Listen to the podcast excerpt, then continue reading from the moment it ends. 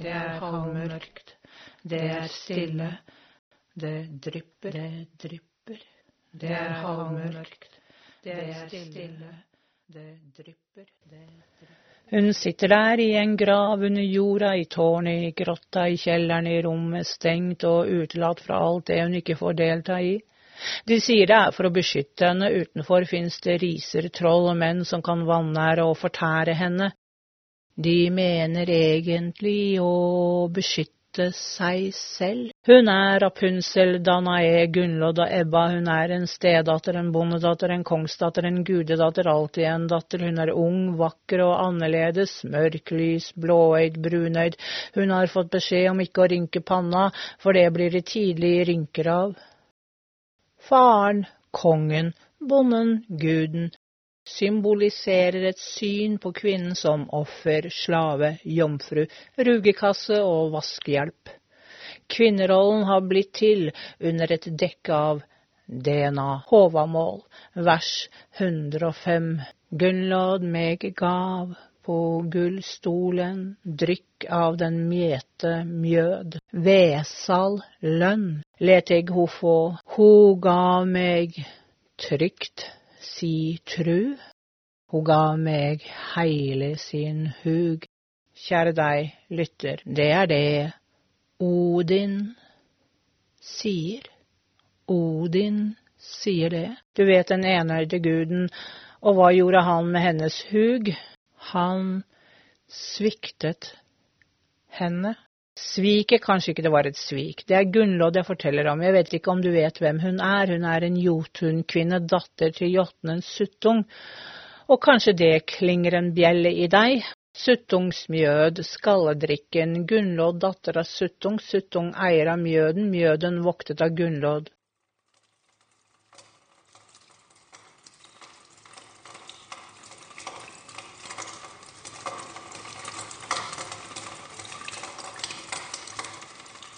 Gunnlod satt der i grotta. Hun satt på en krakk, det hendte hun la seg i en seng, det hendte hun reiste seg opp og gikk bort til fatene, tre kar med mjød som sto og godgjorde seg. Det var den velkjente mjøden som skulle endre oss. Faren, Suttung, visste at denne dyrebare mjøden måtte gjemmes slik at ikke guder og hvermann kunne få tak i den, så skulle hun passe på den da. To fluer i en smekk. På den måten kunne han vokte dem begge datter og mjød i grotta. Ja, så satt hun der, da, håret det bølga nedover, eh, og det var floker i nakken. Det floker seg i håret mitt. En natt uten fletter, og håret mitt er tovet i nakken som en uklippet sau. Her må det karding til, ja takk. Et kråkereir bak i nakken, kråken har heldigvis fløyet sin vei, det hendte hun satte håret opp, da spant hun ull for å få tiden til å gå, hun spant tiden, hun drømte, fantaserte, lengtet etter en hann, hun kunne ellers sitte og se på hendene sine, se på hendene sine, Gunnlåds lodd var å være sperret inne. Hun satt der spant i tråden, spiste maten som ble sendt inn, hun godgjorde seg mens hun befant seg i grotta.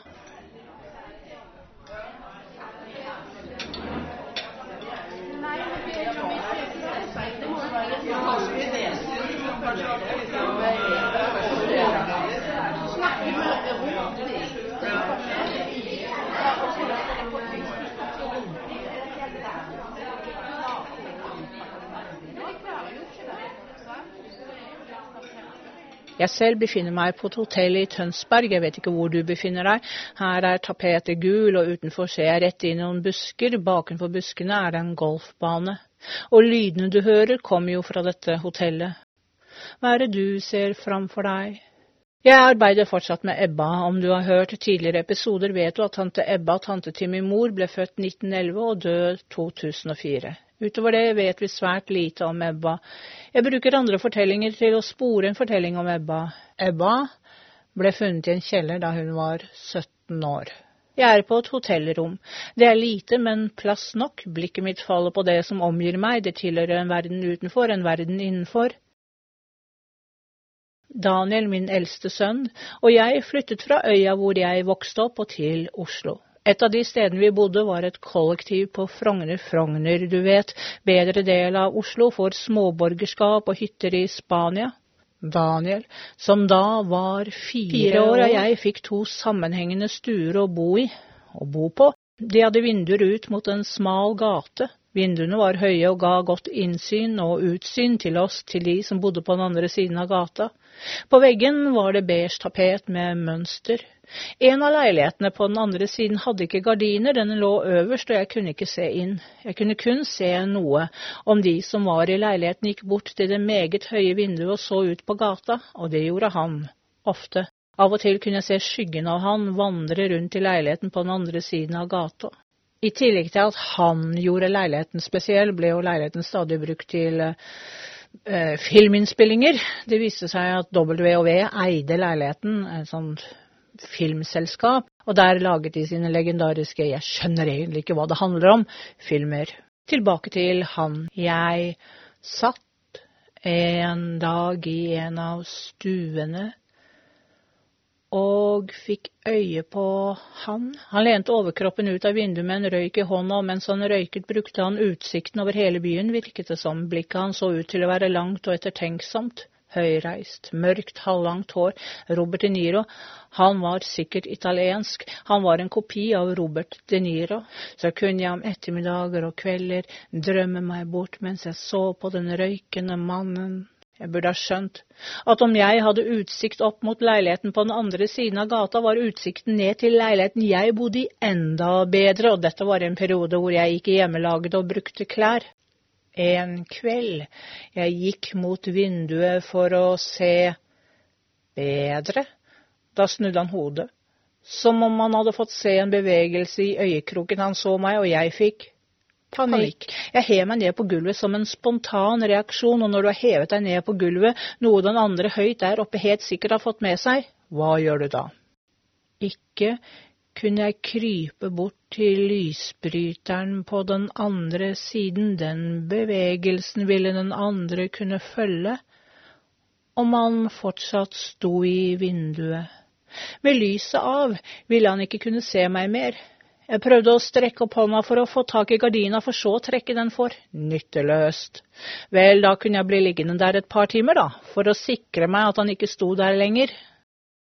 Jeg så en av Daniels leker ligge rett ved, en traktor som var gul og blå, og jeg tok tak i den, hevet hånda med leken opp, slik som folk sender et fredstegn, og reiste meg opp med hånda høyt hevet over hodet, som om dette var en nødvendig leke jeg hadde lett lenge etter, og endelig funnet noe, og trakk jeg for gardinet med et skakt smil.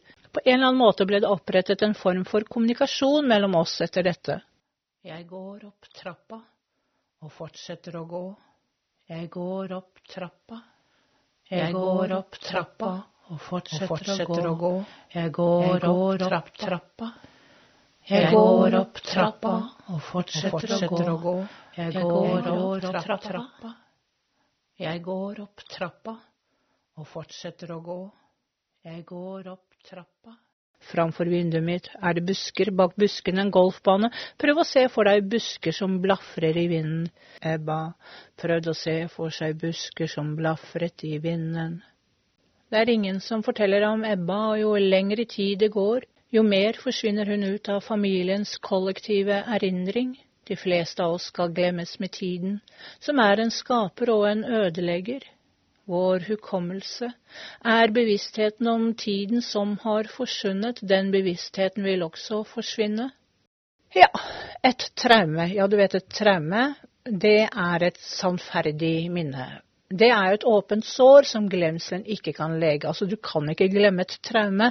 Sporene etter konflikt, fiasko og katastrofe kan aldri slettes med tid. Der er det ingen trøst i minnet.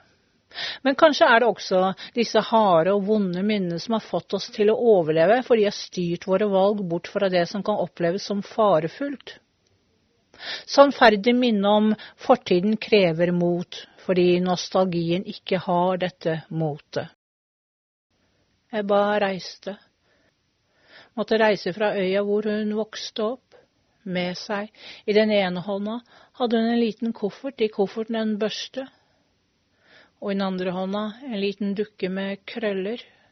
Ebba hadde vært rak i ryggen, og sank hun sammen. Moren hadde bestemt det. Moren hadde bestemt seg, med råd fra sine sønner. Den strenge og forfinede dama på Li, Ebba var ikke normal, Ebba måtte bort.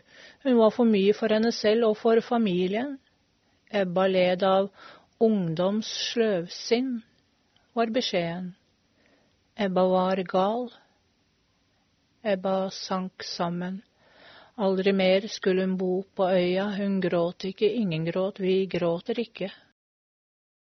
Traumatiske hendelser kan føre til levende og varige minner som dypt påvirker våre liv og et samfunns kollektive bevissthet. Disse dyptliggende minnene kan overføres gjennom generasjoner, hvor det er med på å forme familier og kulturer. Men hvor befinner disse minnene seg? Lever hukommelsen utelukkende i hjernen vår, dannet i våre bevisste og ubevisste sinn? Når eh, familier eller lokalsamfunn deler minnene sine, nærmer de seg hverandre.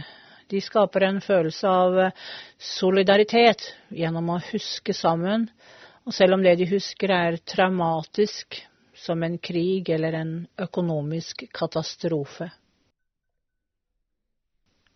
Det viser seg at traumer sannsynligvis påvirker mer enn det kollektive eller individuelle minnet. Det kan også påvirke vår utvikling rent genetisk. DNA bærer genetiske blåkopier for å lage de nødvendige proteinene i kroppene våre. Dette DNA har blitt overført gjennom mange generasjoner, formet av evolusjonsprosesser hvor gener ble valgt ut for å sikre vår evne til å overleve og reprodusere. På denne måten fungerer våre DNA-sekvenser som en type biologisk minne som registrerer den siste utviklingen av oss. Det er noen generasjoner siden andre verdenskrig. Det viser seg at barnebarn til kvinner og menn som opplevde hungersnød under andre verdenskrig, har andre helsemessige problemer enn personer hvis besteforeldre ikke opplevde hungersnød. Disse dataene antyder at et biologisk minne kan påvirke helsa vår. På tvers av mange arter er det dokumentert lignende multigenerasjonseffekter av tidlige livsopplevelser, noe som tydelig viser at biologisk hukommelse er et reelt og arvelig fenomen som forekommer blant mange, om ikke alle, dyr. Det biologiske minnet viser til erfaringer hos våre foreldre og besteforeldre. Familier blir dermed bundet sammen av et komplekst nett av delte celler gjennom generasjoner. Våre bestemødres graviditet legger grunnlaget for mønstre som får utslag i generasjoner senere. Jo mer vi lærer om biologisk hukommelse gjennom studier av epigenetikk, desto mer innser vi hvor dyptgående erfaringer fra vår tid og til og med foreldrene og besteforeldrene våre, kanskje enda lenger bakover, kan påvirke livene våre. Jeg går opp trappa og fortsetter å gå. Jeg går opp trappa. Jeg går opp trappa og fortsetter, å gå. Jeg går opp trappa. Jeg går opp trappa og fortsetter, fortsetter å, gå. Jeg går opp trappa. Jeg går opp trappa og fortsetter å gå. Jeg går opp trappa. I leiligheten på Frogner speidet jeg stadig etter ham. Vi begynte å hilse på hverandre, vinke, gjøre tegn til at nå var det sengetid. Kvelder han ikke var der, lurte jeg på hvor han var. Vi så hverandre aldri nede på gata, eller var det slik at jeg faktisk ikke kunne legge merke til han da? Den flotte flotte, mørke og mystiske italieneren. Etter uker med innbilt og imaginær kommunikasjon tenkte jeg at det var på tide å ta steget videre. Jeg rev ut en vegg av en pappeske, skrev telefonnummeret mitt på kartongen og satte kartongen i vinduet. Jeg stolte på min egen tolkning av vår imaginære kommunikasjon og mente at det var noe på gang. Telefonen ringte. Jeg løfter av røret. Hørte en pipende mannsstemme si Hei sann. Hei sann. Jeg kunne ikke skjønne hvorfor en svensk mann ringte meg. Jeg så ut av vinduet, og der sto han, med telefonrøret i hånda og vinket til meg. Hva? Han var svensk? Det var han. Hjertet mitt sank. Jeg svarte høflig hei. Han sa Hur må du? Og jeg vente meg til tanken på at han var svensk. Han var jo fortsatt kjekk. Han fortalte om sin jobb hos WHV og diverse annet, og jeg fortalte om oss. Han inviterte meg opp til leiligheten kvelden etter, slik at jeg kunne få se utsikten. Du vet, busker som blafrer Nei, ikke noen busker som blafrer, det var det ikke å se. Har du noen gang følt deg skikkelig fin? Du svarer kanskje ved en høytid, en konfirmasjon, et bryllup, en nyttårsfest, og jeg spør deg hva hadde du på deg, og du svarer Kvelden etter gikk jeg spent og stiv og overpyntet ut av leiligheten, ned alle trappene ut, ut av gården, over gata, det var høstkveld og mørkt, men lyst opp av gatelys. Jeg ringte på dørklokka. Jeg ringte på dørklokka nede, og døra ble åpnet. Jeg gikk, gikk opp alle trappene, trappene jeg skulle møte en høy, kjekk svensk mann som så ut som en ung variant av Robert De Niro. Jeg går opp trappa og fortsetter, å gå. Jeg går opp trappa. Jeg går opp trappa og fortsetter å gå. Jeg går opp trappa. Jeg ringte på. Jeg hører taslende skritt, skritt, skritt, skritt. Jeg hørte forsiktig små, taslende skritt der inne. Jeg burde ha løpt ned alle trappene. Noen vinduer, skjønner du, har en meget lav vinduskarm, og det gjør noe med perspektivet når du ser det nedenfra. Da døra ble åpna, så jeg ned på den aller minste mannen jeg noensinne har sett. Leiligheten ble nå en igjenlukket grotte, gardinene dratt for og snublende bevegelser i mørket. En gud er jo ikke en gud før du tilber han. Ingen bønn falt fra min munn. Vi flytta bort.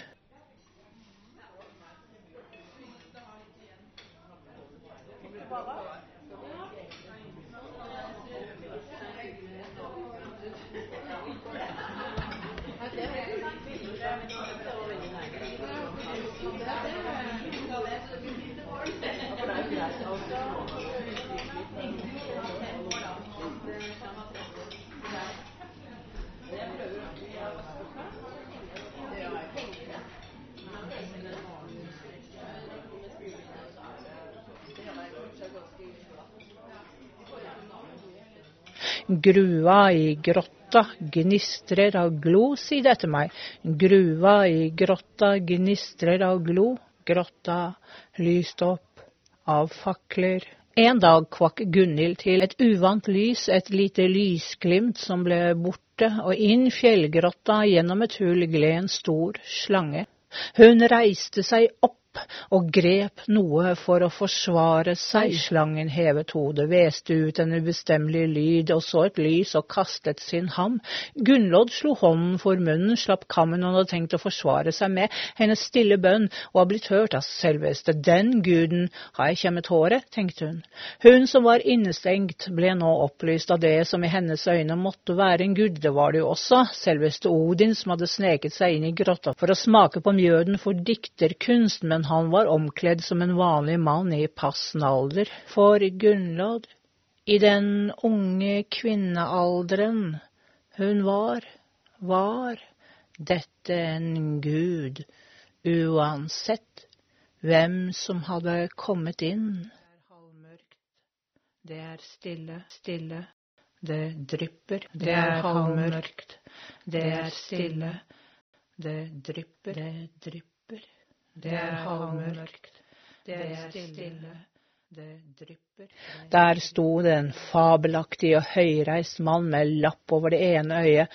Han så seg om for å få oversikt over grotta, og så så han på henne, først med en rynke i panna, før et smil fikk ansiktet hans til vakkert å rynke seg. Hei sann! Hei sann! Er du her alene, sa guden og slapp en fis. Ja, det var blitt sånn trangt å være slange, vet du, og ved å slippe en promp kunne han oppføre seg som et menneske. En gud vil jo ikke ha prompet, det gjør ikke guder. Fort gjort. Gunnlod rynket på nesa den fremmede lukten, så lo de begge to. Så du er stengt inne her, sa den omskapte Odin. Er det fordi du er så vakker? at uh, omverdenen ikke tåler det.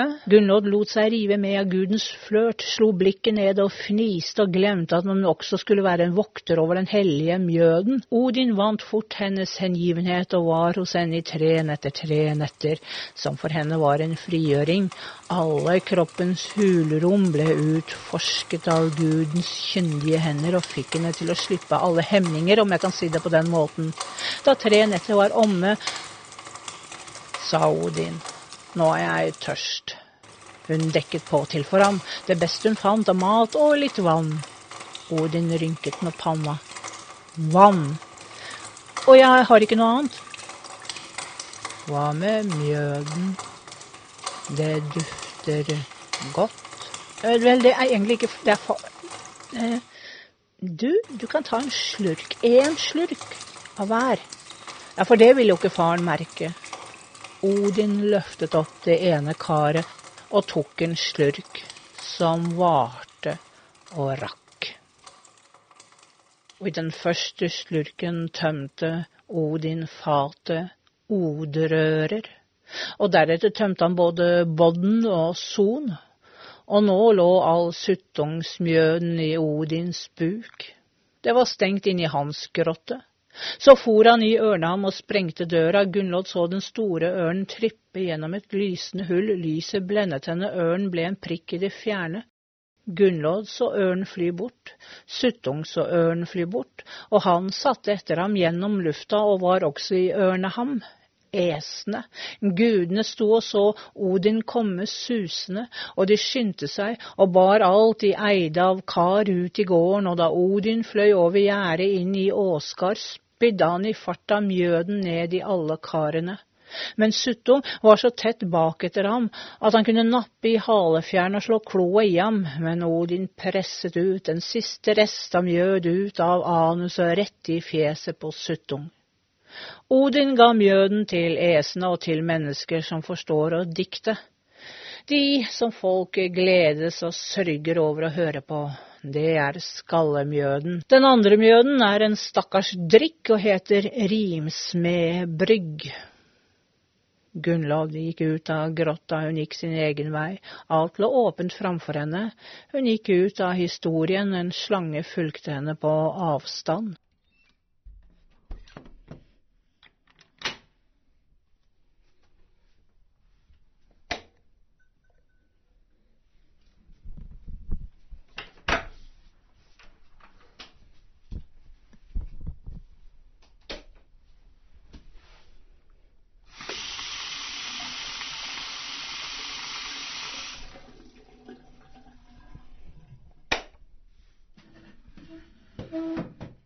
Ebbas bror ville besøke sin søster, han dro av sted til Drammen der hun var sperret inne.